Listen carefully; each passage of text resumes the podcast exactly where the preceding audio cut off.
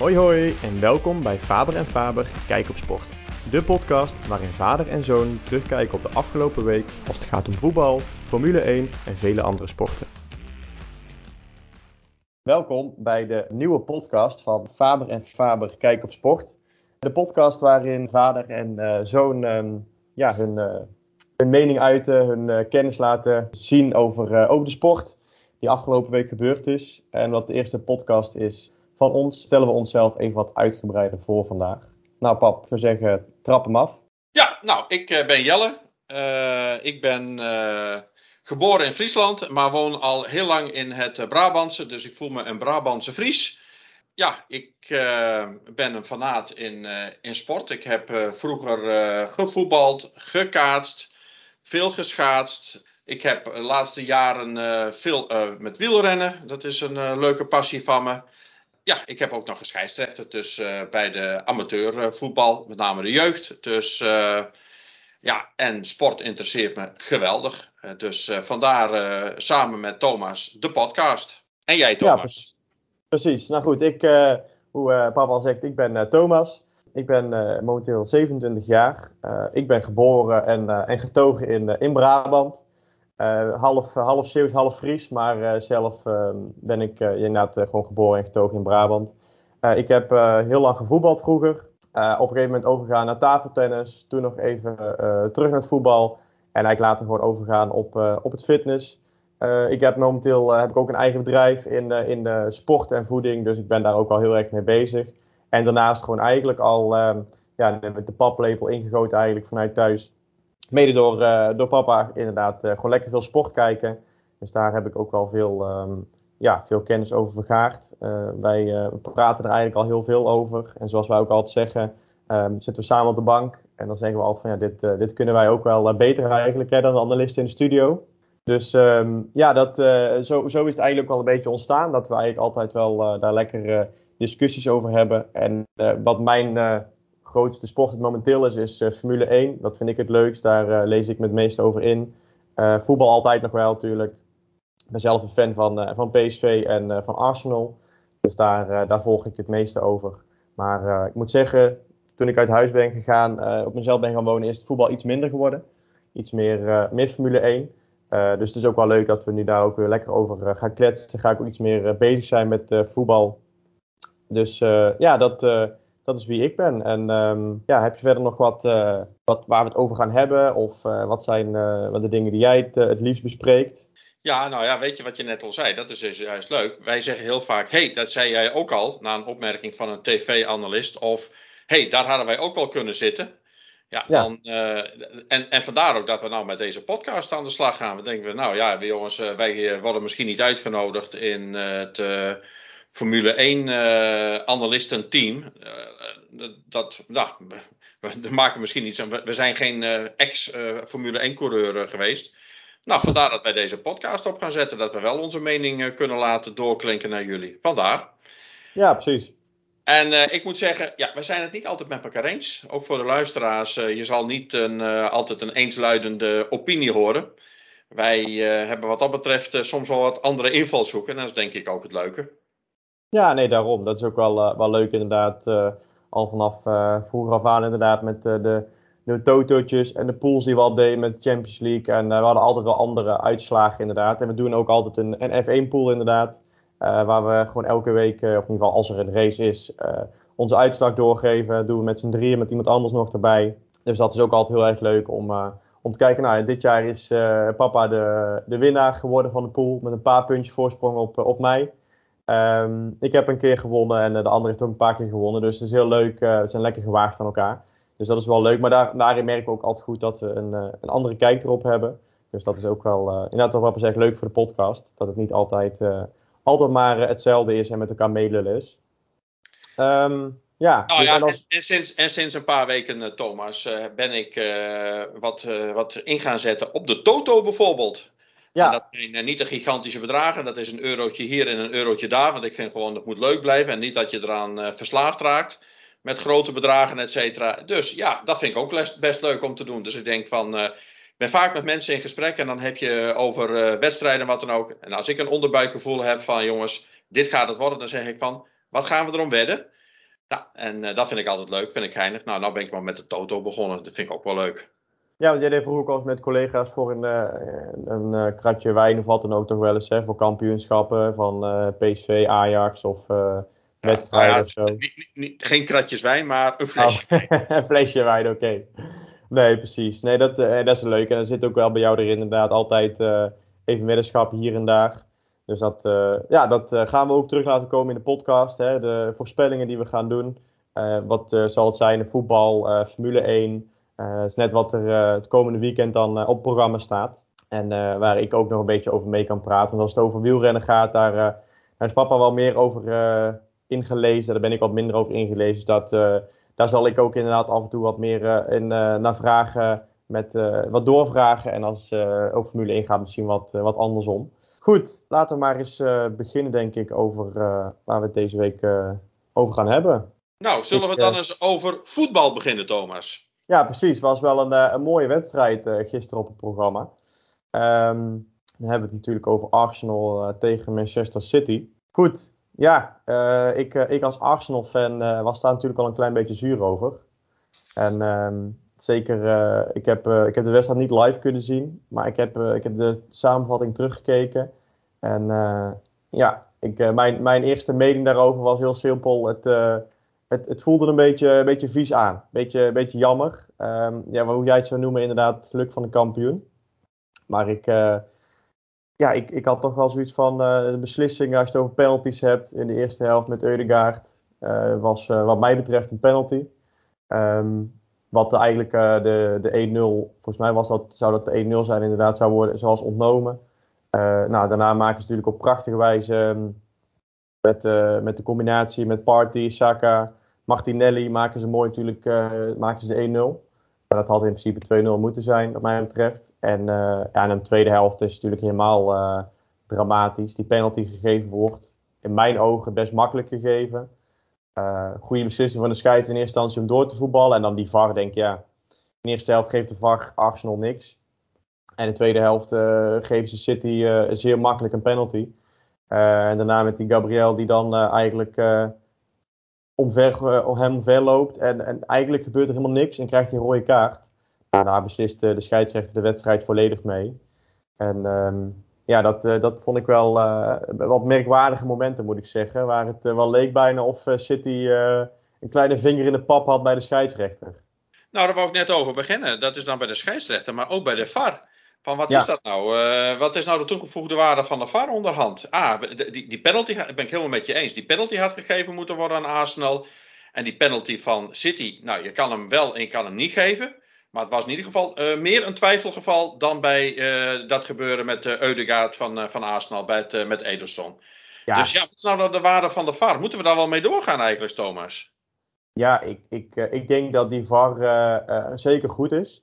Alleen ja, eh, wat ze ook eigenlijk bij Formule 1 wel eens hebben. Hè, dat er um, bij Formule 1 hebben ze wat stewards over uh, dat het elke week anderen zijn. En dat is bij die VAR natuurlijk ook. Uh, je hebt natuurlijk vaak wel een team. Maar soms heb je zoiets van ja, moet je, niet, moet je daar niet een, een ja, nog eenduidig systeem of nog meer met. Uh, net zoals dat je natuurlijk hebt, een, een doelpunt is een doelpunt, wel over de lijn, niet over de lijn. Misschien dat je daar nog meer met systemen kan gaan werken. Uh, dat, dat toch bepaalde dat computersystemen een, een, een, oordeel kunnen vellen. Want het was gewoon, je kon gewoon heel simpel zien bij Eudegaard, zijn voet zat ertussen. Ik bedoel, ik weet niet hoe iemand dat kan. Zijn, voet wordt letterlijk, hij wil de bal naar links of naar rechts eigenlijk om de keeper heen doen. En hij zet zijn voet ertussen, hij wil hem eigenlijk naar de rechts pasen. En die keeper die schopt tegen zijn voet aan, waardoor die bal nog harder wegskaatst natuurlijk. Maar ja, hij raakt ten zijn voet. En ik heb zoiets van, ja, Tuurlijk is het goed, de VAR, want in eerste instantie zei de scheidsrechter ook, het is geen penalty. Dus eigenlijk zie je daar ook al het, falen van de scheidsrechter. Um, maar ik snap ook wel, een scheidsrechter, je hebt zelf gescheidsrecht, dus jij kan daar ook wel je mening nog over uiten. Maar een scheidsrechter kan niet alles zien. En dat is ook logisch. Uh, ik denk dat, dat we hebben ook altijd geroepen in de periode dat er nog geen VAR was van het Hawkeye systeem bij, bij tennis. Is echt een super systeem. En daar wordt alles natuurlijk wel met een computer geregistreerd. Um, en toen had iedereen zoiets, ja, moeten dat ook niet bij voetbal doen. Uh, ik weet nog een moment met, met Engeland, volgens mij op het EK WK ooit, dat er echt gewoon een duidelijk doelpunt was. En dat ja, het ook 1966 was dat. Ja, maar ook volgens mij in 2010 ergens. Volgens mij was het nog eens 66 was ook, maar in 2010 ergens was het ook nog een keer ergens. Uh, of 14, ik weet niet of het een EK WK was. Maar toen werd ze ook dat doelpunt ontnomen.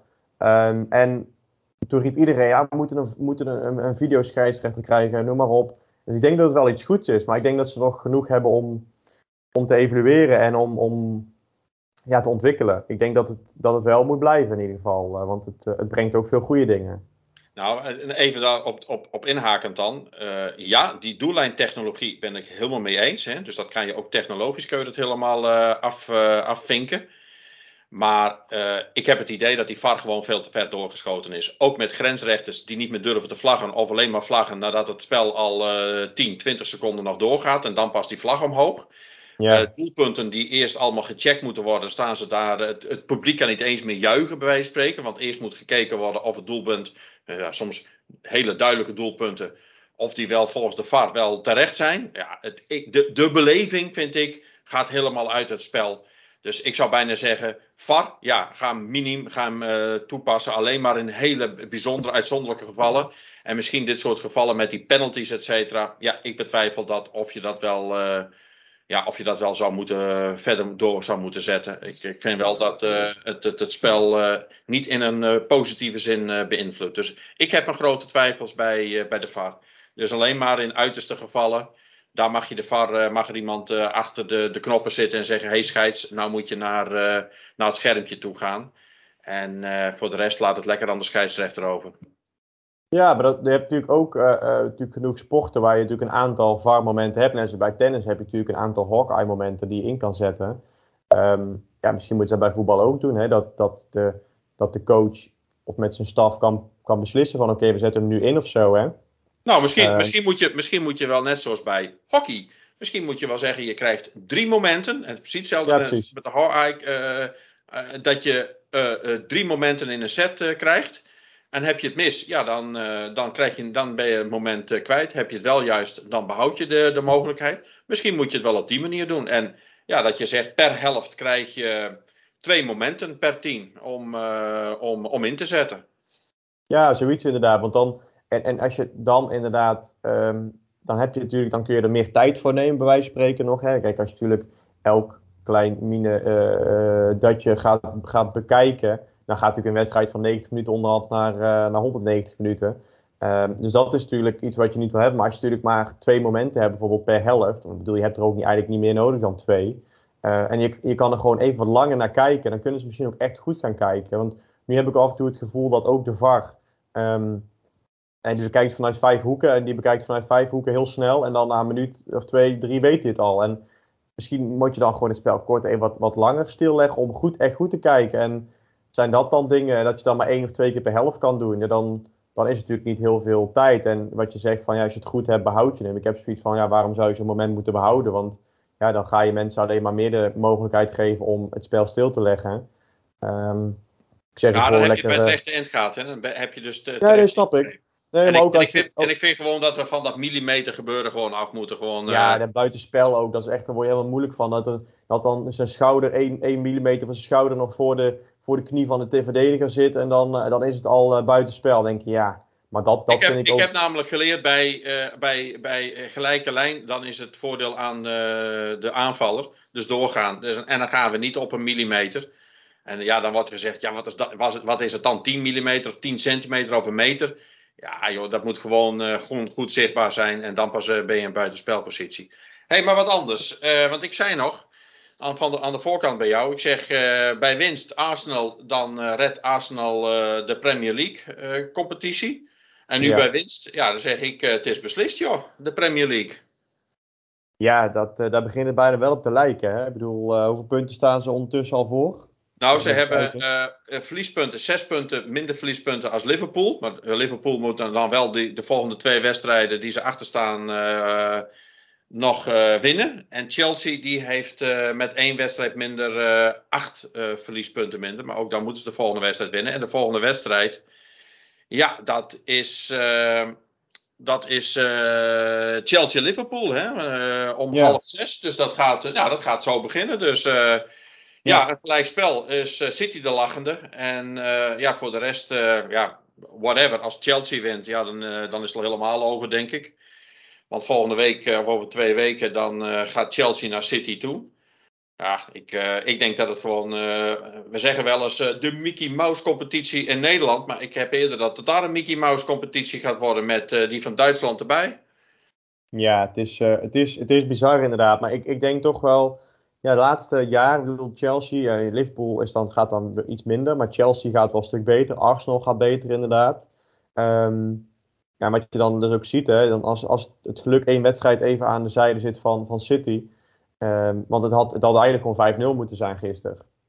En, uh, ja, als, als, als, dat telt niet, hè? Nee, nee, dat klopt inderdaad. Maar dat is, dat is natuurlijk ook wel een beetje het jammer inderdaad. Want Chelsea, ik bedoel, vorig jaar of hoeveel is het geleden, hebben ze natuurlijk ook die, uh, die Champions League finale, daar hebben ze gewoon gewonnen van uh, City, toch? Was het? Ja, ja. Ja, daarom. Dus ik bedoel, het is die, die, ja, dat, dat, het moet kunnen. En Chelsea is, uh, ik vind Chelsea alleen maar beter geworden. Uh, Chelsea is wel weer, uh, voetbalt wel wat steadier dan, dan de afgelopen jaren daarvoor. Um, ja, moet, moet toch kunnen. Ik bedoel, maar ja, goed, als Chelsea natuurlijk ook weet te winnen van Liverpool, dan um, wat, wat logisch zijn, want Liverpool is niet bepaald goed bezig natuurlijk. Chelsea wat, wat steadier. En um, zou ik zeggen dat als Chelsea van Liverpool wint, ja, dan is het eigenlijk ook over en uit. Want ja, dan kunnen ze wel van City weer winnen. Maar ja, dan, dan, hey, dan zijn ze eigenlijk lopen ze drie punten in. Maar ja, wat staan ze nu achter? Ik bedoel, het zijn nu elf punten met een wedstrijd minder gespeeld. Nou, laat zeggen ze winnen van Liverpool. Dan staan ze nog steeds acht punten achter op, uh, op, uh, op City. Ja, dat, dat voetbal je niet zomaar meer dicht. Nee, denk dat ik. denk ik ook. Dus uh, ik denk dat uh, ja, de competitie eigenlijk al beslist is daar. Maar je zei net, het gaat beter met, met Chelsea. Maar die gasten die hebben wel een financieel verlies van 173 miljoen euro. Hè? Dus eigenlijk, wat is nou eigenlijk nou zo'n bestaansrecht van zo'n uh, van zo'n Chelsea? Het is dat meneer Abramovic erachter zit. En uh, de gaten wel dicht, denk ik. Maar ja, uh, ik, ik, las in hetzelfde bericht Juventus meer dan 200 miljoen euro verlies.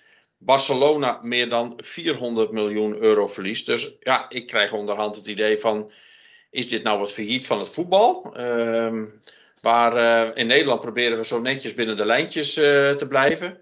En ja. als uh, clubs verliezen hebben, zoals Feyenoord een jaar of, wat was het, tien geleden, vijftien jaar geleden, mochten die helemaal, werden op, op, onder curatele gesteld. En mochten geen spelers meer en moesten dan maar uit de jeugd. En dan vinden we het ook weer vreemd even later dat we dan dik verliezen van dit soort clubs, et cetera. Maar ja, ik, uh, ik begin me toch wel af te vragen van, uh, was nou nog uh, de, de, de waarde van het voetbal? het is alleen nog maar een speeltje van de rijke sheiks onderhand. wat vind jij er nou van? Ja, nee, dat klopt ook wel. Natuurlijk, het is natuurlijk ook wel de reden volgens mij dat heel die, die Super League, of, of, Super League heet die volgens mij toch? Toen, ja. toen de, destijds, het is een half jaar geleden of zo, of een aantal maanden geleden, dat ze daar dat geopperd hebben. Volgens mij de drie clubs die jij net opnoemt, waren drie clubs die allemaal meededen. En uh, zeker Juventus en Barcelona stonden volgens mij ook al een beetje aan, uh, aan de kop van, van de organisatie van die Super League. Um, ik denk dat dat ook wel de reden is dat ze het op willen zetten, want daar gingen natuurlijk ook miljarden in om. En ja, ik denk dat dat ook wel de reden is dat ze denken van, dat, ze voelen het ook wel heet worden onder de voeten, denk ik. Kijk, Barcelona heeft natuurlijk al best wel wat um, problemen. Uh, die, hebben natuurlijk, kunnen natuurlijk uh, niet uh, zoveel voetballers meer op de loonlijst hebben staan. Omdat ze natuurlijk elke keer ja, gewoon te dure voetballers hadden. waardoor ze niet iedereen aan konden trekken. op een gegeven moment de paai eigenlijk al iedereen aan willen trekken, nooit niet gelukt. Um, dus ja, je ziet toch wel dat er wel enige restricties zijn. Maar ja, wat je zelf zegt, is het streng genoeg? moeten ze niet gewoon uitgesloten worden voor bepaalde competities? Maar ja, dat is ook alweer als je natuurlijk die, die teams uitsluit voor een... Um, een Champions League of, of wat dan ook, dan kunnen ze helemaal geen geld meer verdienen. Dus hoe kom je dan uit de, uit de shit, laat ik maar zeggen. Um, en als je natuurlijk als ze natuurlijk geen geld meer verdienen met Champions League, kunnen ze ook geen spelers meer kopen. Dus ja, waar gaat het dan naartoe met Barcelona? En is dat ook wat je wil natuurlijk? Dat zo'n team af zou glijden naar uh, een middenmotor in, uh, in Spanje. Maar trouwens, je zegt er nou, hè? Uh, die Super League, inderdaad, hè, want dat was, was dan uh, Juventus en Real Madrid en Barcelona ja. en uh, AC Milan en Inter Milan en een aantal clubs in, Chelsea, in Arsenal, City. Ja, en een aantal clubs die hebben zich daar later inderdaad netjes van gedistanceerd. Die hebben een boete ja. gekregen. Maar Real ja. Madrid en Barcelona en Juventus, Juventus, hebben er nooit officieel van afscheid genomen. En toch mogen ze, en daarna hebben ze, mochten ze toch lekker weer in de Champions League doorvoetballen. Dus ja, dat is toch ook een beetje, een beetje vreemd. Hè? Dat is een grote praat van, uh, van, van, van de voorzitter. En uiteindelijk zie je die clubs toch gewoon weer meevoetballen. Dat is toch raar? Dat is, gewoon, dat is denk ik ook die druk die er gevoeld wordt door, de, door misschien wel hè, de, de, ja, FIFA en, en de UEFA. Ehm, het zijn toch grote, grote teams. En wat ik zeg, wil je die teams, als je die natuurlijk uitsluit voor een Champions League, als je die uitsluit voor bepaalde competities. Um, bij wijze van spreken, de La Liga, die Barcelona bijvoorbeeld uitsluit, dan, dan gaat zo'n team gewoon failliet op een gegeven moment. En wil je dat? Wil je daar met voetbal naartoe? Dat is denk ik ook wel, het blijft allemaal een corrupte bende, dat weten we allemaal natuurlijk. Um, en eh, eh, af en toe heb ik ook het idee dat er even een oogje dichtgeknepen wordt. Ze, ze praten al heel stoer van ja, we gaan ze uitsluiten voor dit en dit. Maar ja, de vraag is, ze zetten natuurlijk ook niet door. Ze hebben misschien niet gedistanceerd, maar ze zetten zich ook niet door voor die competitie, voor de Super League. Ik denk dat dan de, FIFA zoiets heeft en de UEFA van, nou weet je wat, we knijpen een oogje dicht. En um, we laten het af en toe uh, net wat soepeler voor die mensen gaan dan um, voor de teams zoals uh, bij wijze van spreken, nou, Ajax wordt natuurlijk ook wel grotere, maar bij wijze van spreken een PSV of zo, als die uh, zo'n groot verlies zouden hebben. Dat daar nou ja, heb ik af en toe ook wel het idee. Maar, maar, maar, hoe komt dat? Omdat ze namelijk erop hopen dat ze namelijk in zo'n Champions League komen. En dat ze ver komen en dat ze veel geld verdienen. Ja. Alhoewel, zo'n Chelsea, ik zei net 173 miljoen verlies. Daar staat wel 110 miljoen aan inkomsten al ingeboekt hè, in dat verlies. Van de laatste ja. Champions League die ze gewonnen hebben van City. Dus ja. ook daarmee kunnen ze het niet eens bekostigen. Dus het gaat maar om één ding en dat is dus geld. Dus, uh, en ook dat soort grote clubs. En ik geloof het ook wel hoor, dat het allemaal uh, politiek is en ze kunnen dat soort grote clubs uh, niet weren, et cetera. Dus ja, misschien komt hij er wel gewoon en zetten ze het straks wel door. Want je ziet ook het grote broertje, de FIFA, die wil met alle, alle, alle, alle push willen ze toch iedere twee jaar nu een wereldkampioenschap houden voor landenteams. In plaats van eens in de vier jaar. Dat gaat natuurlijk ook maar om één ding. Dat is niet het sportieve, dat is gewoon het, het geld natuurlijk. En hun zeggen natuurlijk het sportieve. Maar ja, dan is ook al eens in de vier jaar is er een EK. En, dan weer je, en we hebben nu één keer in de vier jaar een WK. En dat zou dan iedere twee jaar. Nou, dat gaat dan weer niet met de EK. Dus ja, de ene zit er de andere in het vaarwater. Dus ja, ik ben benieuwd hoe dat zal gaan. En ja, het gaat maar om één ding, denk ik. Macht uh, en poen. Ja. Dus ja, waar gaat het naartoe met het voetbal? Uh, ik, heb, uh, ik heb toch wel mijn, mijn, mijn zorgen daarover. Ja, maar als je het over die, over die macht hebt, ik denk dat er ook heel veel macht natuurlijk bij, want dat was natuurlijk waarom, vorige keer waarom die Super League mislukte, was de, de fans. En zeker in Engeland, die hebben natuurlijk al een hele grote macht daar. Ik bedoel, er zijn toch elke week tientallen miljoenen fans die daar in de stadions zitten. Um, en, en daarom was natuurlijk Arsenal die redelijk snel bezweek. En alle clubs in Engeland, die waren een van de eerste die natuurlijk zeiden van oké, we stoppen ermee. En toen volgde Spanje een beetje en volgden de, clubs uit Italië een beetje. Maar um, ik heb zoiets van ja, heel leuk als ze doorzetten. Maar ja, als die, die fans zeggen ik kom niet meer, um, dan heb je ook een probleem natuurlijk. Dus ik, ik denk dat dat nog wel een, een strijd gaat worden. Dus, ja, een hele lastige gaat worden. Kant het geld en aan de andere kant ja, het, het, het, het publiek, Jan Publiek, zeg maar. Wie gaat, ja, wie gaat, waar gaat het naartoe, de balans? Uh, wie, ja. wie, wie, wie, krijgt het voor elkaar? Ja, ik denk uh, leuk om te monitoren de komende jaren, denk ik wel. Want dat, dat, daar zijn, zijn natuurlijk al heel lang plannen voor en er is nooit iets van gekomen. En nu was het een kleine speldeprik, maar ik denk dat dat nog wel zich verder uit gaat vouwen, ja. Nou Thomas, om dit blokje Premier League nou eens af te ronden, um, zou ik, uh, dat we, en ik zou dat er ook graag in onze podcast in willen brengen, dat we gewoon ook eens een, weer weddenschapjes invoeren. Ja. Dus ik zou dat wij gewoon met een ja, winst, gelijkspel of verlies. Um, de wedstrijd Manchester, die is over twee weken, 15 januari, als ik het goed heb. Manchester City, Chelsea. Wat denk jij? Wie gaat winnen? City, Chelsea. Ja, dat is, uh, is lastig inderdaad. Maar ik. Um, ja, wij, wij, als, je, als je die wedstrijd tegen Arsenal ziet, dan denk je, nou ja, daar zit toch wel het geluk. Ik, uh, ik ga voor een gelijkspel. Ik ga voor 1-1. Uh, Oké, okay. ik zeg dat City gaat winnen. Oké, okay. hoeveel? Uh, maakt er niet uit. 3-1. Oké. Okay. Dan hebben we de volgende wedstrijd. En dat is een eentje voor jou speciaal. Een Londense ja. derby. Zowel in het noorden van Londen. De Spurs, Tottenham, Tottenham Hotspurs tegen Arsenal. Nou ja, vorige keer wonnen ze al Arsenal. En toen waren ze nog niet eens. Toen waren ze net aan het begin van hun, uh, hun goede reeks. Um, en Spurs gaat gewoon niet echt heel best de afgelopen periode. Um, ze staan in principe nog boven Arsenal als ze alles zouden winnen nu. Maar ik, ik denk wel een, een overwinning voor Arsenal. Een mooie 1-2 of 1-3 of zo. Oké, nou ik ga echt voor de Spurs. Conte die heeft het er helemaal weer ingebracht. Echt op zijn Italiaans. En een, wat echt ook een voetbalmachine. Dus ik ga voor de Spurs. Oké. En dan heb ik uh, de laatste wedstrijd. Uh, Aston Villa tegen uh, Man United. Daar ga ik voor Man United. In de laatste minuten Ronaldo die de doelpunt maakt. Oké. Nou, ik ga daarvoor een gelijkspel. Oké, nou alles is anders dus. Ja, we hebben het anders jullie... dus. En over twee weken zullen we eens kijken wie het dichtst bij de waarheid zat. Precies. Ik, dit is zoals, zoals het meestal gaat inderdaad. Volgens mij voorspellen wij een wedstrijd nooit hetzelfde. Nee, daarom. Hey, dan uh, hadden wij dus een blokje Premier League. Dat sluiten we hierbij af. En ik zou toch nog uh, even uh, vooruit willen kijken. Want we zeggen Faber en Faber kijken op spot. We kijken terug. maar we kijken ook een beetje vooruit. Wat we ook met deze ja. weddenschap gedaan hebben. Maar ik heb nog een ander onderwerp, Thomas. En wat jou na aan het hart ligt. de Formule 1. Um, de wintertesten die eraan komen, maar ook het verhaal, misschien wel een beetje een komkommertijd. Wat gaat Hamilton eigenlijk doen? Gaat hij door of stopt hij? Nou, ik denk om eerst even op Hamilton in te, in te spelen. Dat lijkt me heel simpel. Die, um, die gaat gewoon door. ik bedoel, het blijft natuurlijk een sportman en het, zou, het was al redelijk een nou, rel niet, maar redelijk. Ja, dat mensen dachten van wow, toen Rosberg stopte natuurlijk nadat hij wereldkampioen geworden was. Er werd niet se schande van gesproken, maar het doet wel wat af, vind ik, aan je sportsmanship. En zeven keer wereldkampioen, de greatest of all time in, in cijfers. In prestaties en alles is af en toe om te twijfelen, maar zeker in, in statistieken.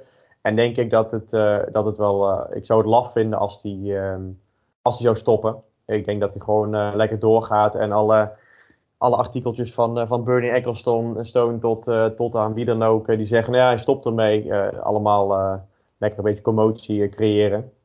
Hij gaat gewoon door. En um, was ook al, gisteren was ook weer iets naar buiten gekomen dat Mercedes natuurlijk zei van, nou goed, die had het stilzwijgen doorbroken en zei, nou goed, hij die hint al op een, gewoon een doorstart met de samenwerking. Wat, wat, moeten ze anders? Ik bedoel, wie moeten ze in die auto neerzetten? Ze hebben geen pupillen meer. Ja, Gasly um, hè? werd uh, geopperd. Ja, Gasly zou geopperd worden, maar dat, dat zie ik ook niet gebeuren. Um, tuurlijk, tuurlijk hartstikke leuk, leuke coureur, maar is Gasly degene die het zou moeten doen? Geen idee. Ik bedoel, ze hebben het zelf ook uh, natuurlijk nog uh, Nick de Vries in, in de pool zitten met uh, Stoffel. Nou, Stoffel even laten zien in de Formule 1 dat hij niet goed genoeg is. Stoffel van Doornen bedoel jij? Ja, Stoffen van Doorn inderdaad. En, uh, en Nick de Vries laat toch twee keer in de, in de, de rookie-test, als wij dit jaar was geen officiële rookie-test, maar in ieder geval in de, um, de rookie-test dit jaar en vorig jaar laat hij toch wel zien um, uh, dat hij toch wel twee keer de snelste was van de, van de, van de training, of die, die testdagen, laat ik zo zeggen. Dus um, hij heeft het wel in zich zitten, Nick de Vries. er wordt wel over gesproken dat hij af en toe niet zo goed met bandenmanagement is. Wat de reden is waarschijnlijk dat hij dus ook nooit naar Formule 1 is gekomen. Maar, um, maar ja, dat, dat is ook gewoon eigenlijk allemaal net niet goed genoeg. En um, er werd al zelfs gesproken over, uh, over dat Bottas terug zou moeten komen dan hè, als uh, Hamilton stopt. Nou, dat gaat natuurlijk nooit gebeuren. Want ik denk dat Mercedes blij is dat ze af en toe... Bottas was een super tweede rijder, maar je gaat er niks meer winnen. Dus um, ik denk dat, dat ze ook geen twee jonge, nieuwe rijders in een team willen hebben. Dus die Hamilton, die, uh, die moet wel terugkomen. En anders leggen ze daar wel even 10 miljoen extra bovenop, bij wijze van spreken. Dus dat, uh, nee, die komt wel, uh, die komt wel terug. Hij, hij, is, hij heeft er even zuur van nu, maar ik, nou, ik denk dat het wel goed komt. Wat je noemt zuur, hij heeft zijn, op Instagram heeft hij iets van, wat is het, 23 miljoen volgers ontvolgd. Nee, hij, hij, hij heeft 23 miljoen volgers, maar hij, heeft, hij volgde iets van een paar duizend man en die heeft hij ontvolgd, laat ik maar zeggen. Dus iedereen die hij zelf volgde. Um, dus die heeft hij allemaal en hij, had, hij heeft een paar weken niks laten horen en iedereen ontvolgd ja, dat is allemaal een beetje een schreeuw om aandacht. Dat uh, heeft hij al vaker gedaan. En uh, Hamilton is toch wel een mannetje die natuurlijk van, de, van de, ja, het middelpunt van, van de spotlights wil staan. Maar dat, dat gebeurt nou natuurlijk minder, want Max heeft hij natuurlijk afgepakt. En dan kan hij waarschijnlijk gewoon niet goed tegen, denk ik. En hij gaat een beetje gek capriolen uithalen. Maar uiteindelijk, uiteindelijk gaat hij gewoon door, denk ik. Ik weet niet wat jij denkt, maar... Nou, ik denk, wij, we, zijn, we hebben verschillende meningen. Maar in deze volg ik jou helemaal. Ik denk ook dat hij gewoon doorgaat. Ja, het zou, het zou ook mooi zijn voor de sport natuurlijk. Ik vind het ook prachtig zou het natuurlijk zijn als Mercedes volgend jaar er gewoon nog bij zit met de nieuwe auto's. En dat ze dan inderdaad gewoon die Russell hebben met Hamilton. Nou, wordt het fantastisch. Dat, dat, dat krijg je een beetje de, de gevoelens terug van Hamilton tegen Alonso natuurlijk in de, in de McLaren. dat soort gevechten ga je denk ik krijgen. Um, Waar toen uiteindelijk inderdaad uh, Raikkonen toen met het WK er vandoor ging in 2007, even uit mijn hoofd. Toen was natuurlijk Hamilton en Alonso, die waren natuurlijk met elkaar aan het vechten. En uh, lachende derde was, uh, was Raikkonen. Dus, en, dat en, dat zeggen ze, en dat zeggen ze ook voor het komend jaar, hè? dat misschien de lachende ja. derde Max wel kan worden. Tussen, ja, of, of iemand anders, je, je, je, weet het niet natuurlijk, wie, de, wie de auto gaat hebben. Maar, um, want er wordt dat, dat even op terugkomen op het andere onderdeel wat je net aanhaalde van de wintertest. Um, ik denk dat het, uh, er wordt heel veel de laatste dagen gesproken over van heeft Red Bull zichzelf niet in de vingers gesneden. Ja. Uh, die zijn natuurlijk tot allerlaatste moment doorgaan met het ontwikkelen van die auto. En um, ja, gaat, dat, gaat ze dat in die vingers snijden met dat, uh, dat ze die 2022 auto niet goed genoeg ontwikkeld hebben? Wat, wat denk jij daarvan? Nou, ik, uh, inderdaad, ik, ik, las dat ook. Uh, ja, het is natuurlijk uh, een beetje koffiedik kijken. Maar wat wel een feit is, is dat Mercedes heeft wel de motor als eerste laten ronken. En dat was wel uitzonderlijk snel, begreep ik. Normaal gaat dat later gebeuren, zo'n nieuwe motor die ontwikkeld is. Ja. maar men heeft hem al een keer opgestart, et cetera. En dat blijkt toch wel uiterst snel te zijn. Dus dat zijn maar van die eerste kleine signaaltjes, et cetera. Maar dat wil, wil wel zeggen dat Mercedes wel de vaat erin heeft. Ehm, maar ik hoop in ieder geval wel dat het volgend jaar wat meer een strijd zal worden tussen meerdere teams. En niet alleen maar tussen Red Bull en, en, Mercedes. Maar dat het hele middenveld met McLaren en Ferrari.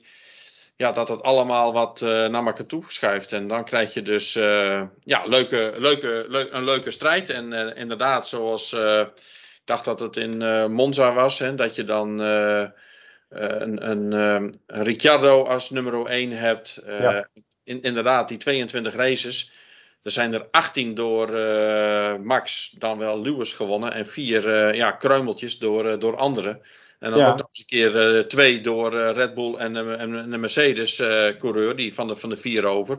Ja, dat is natuurlijk wel schamel, hè? Een, een, een Alpine en een McLaren die dan ja, die twee kruimeltjes oprapen. Dus ik hoop dat volgend jaar spannender gaat worden. Dan, nou in ieder geval spannend in de zin van meerdere teams. Want het, het, was natuurlijk wel een apotheose natuurlijk. Hè? Uh, ja, zeker. De laatste race, de laatste ronde, dat het, uh, ja, het, uh, het gebeurde. De, de, de miracle happened, hè, wat dat betreft. Ja.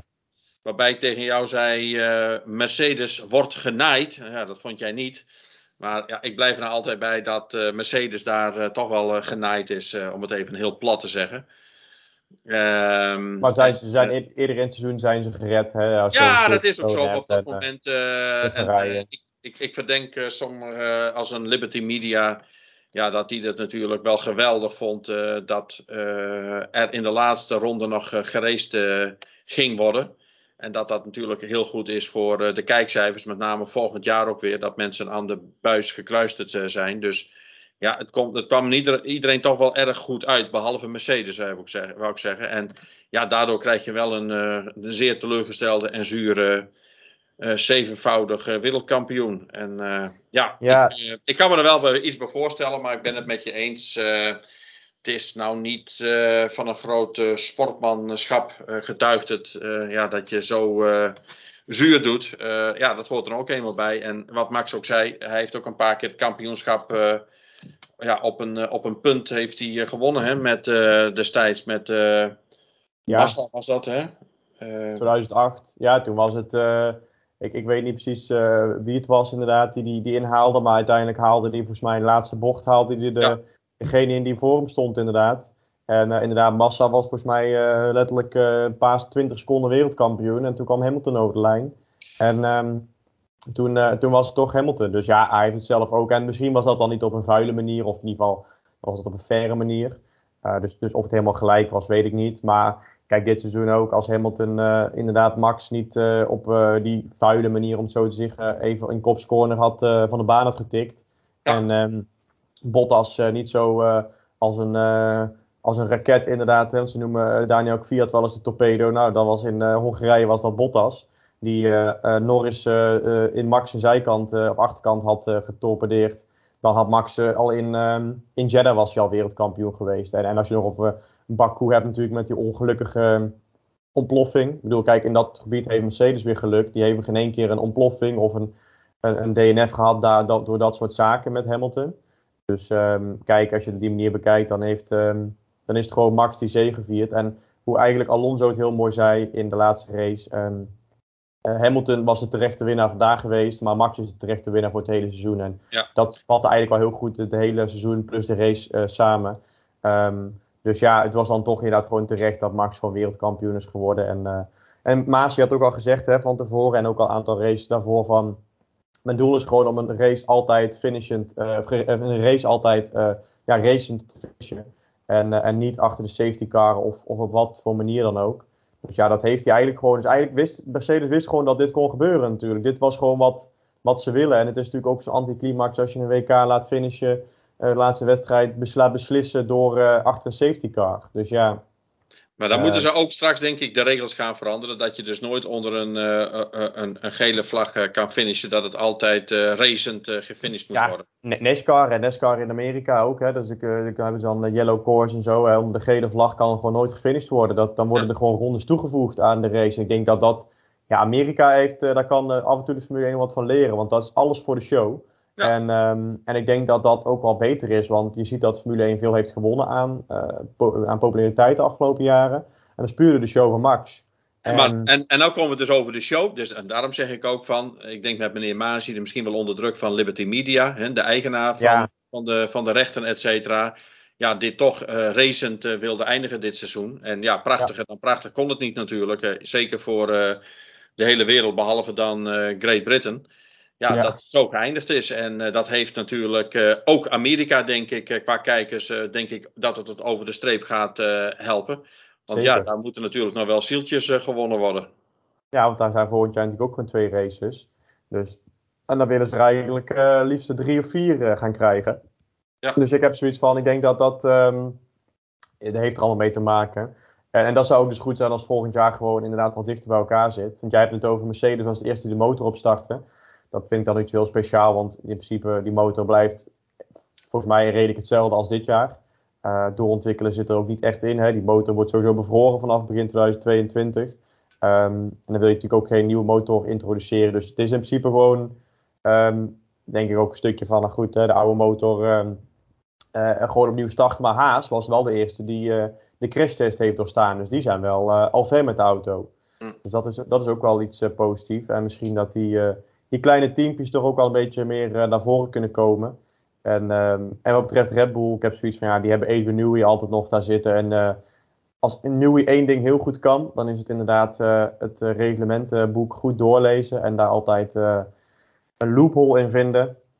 Om, om toch weer iets nieuws te ontwikkelen wat, wat de auto net iets anders maakt dan, dan, dan de afgelopen jaren, dan, in ieder geval dan, dan de andere auto's. Want de afgelopen jaren was het natuurlijk zo'n doorontwikkelde machine dat het eigenlijk uh, allemaal één pot nat was. En uh, dat zei Newey zelf ook. Hij vond er eigenlijk geen reet meer aan de afgelopen jaren, omdat het allemaal um, te veel op elkaar lijkt. Dus, uh, en daar gaf ik hem wel gelijk in. Het was allemaal zo hetzelfde. Um, maar toch zo'n groot verschil. Dus ik denk dat dat ook wel goed is dat we met nieuwe auto's gaan rijden. En ik kijk ook wel erg uit naar, die, naar de testdagen. Want daar gaat vanaf dag 1 ook al duidelijk worden van wie, uh, wie gaat er bovenaan mee, uh, meedoen en, um, en wie niet. Ik hoop Ferrari weer, ik hoop McLaren die erbij zit. Um, uh, Red Bull natuurlijk, Mercedes. En, um, ja, misschien Alpine inderdaad, maar die roepen dat al tig jaar en die zitten er eigenlijk nooit. Ja, ze komen nu leuk mee, maar ik denk dat die toch wel een beetje middenmoot blijven. ik denk hetzelfde met Aston Martin, die zal ook middenmoot blijven, want die hebben één keer goed gedaan toen ze een auto gekocht hebben van Mercedes. Maar um, dat, uh, dat is ook eenmalig, denk ik.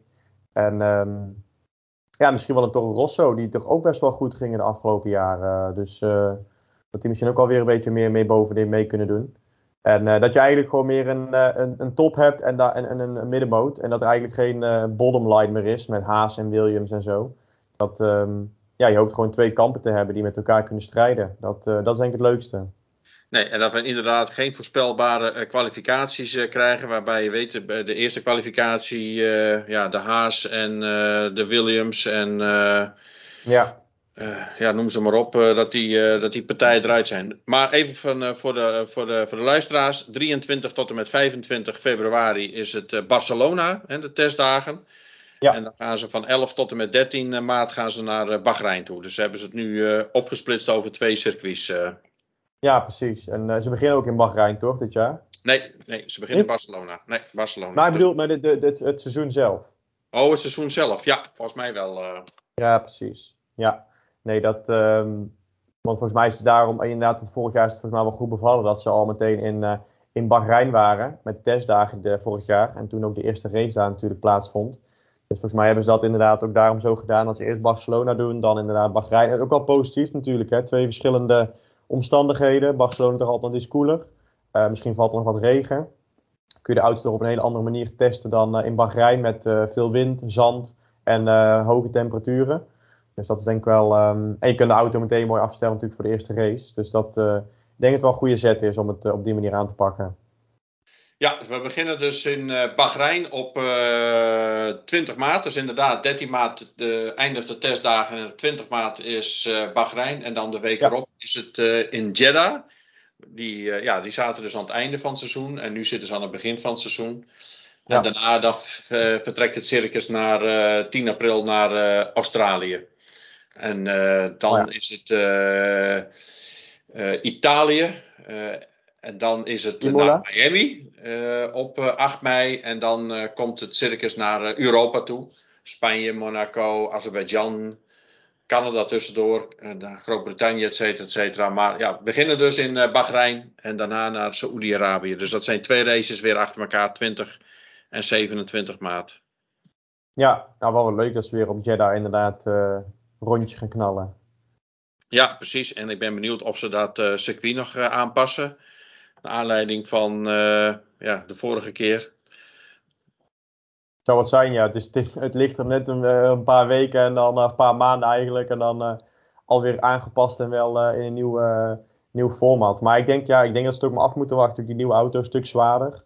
Um, iets minder goed in die, in die in de snelle bochten zullen ze wel hetzelfde zijn, zei ze. Maar voornamelijk in die ja, die krappe bochten, maar die heb je niet veel in Jeddah. Dus ik denk dat Jeddah voor de nieuwe auto's niet, uh, niet veel verschil zal zijn.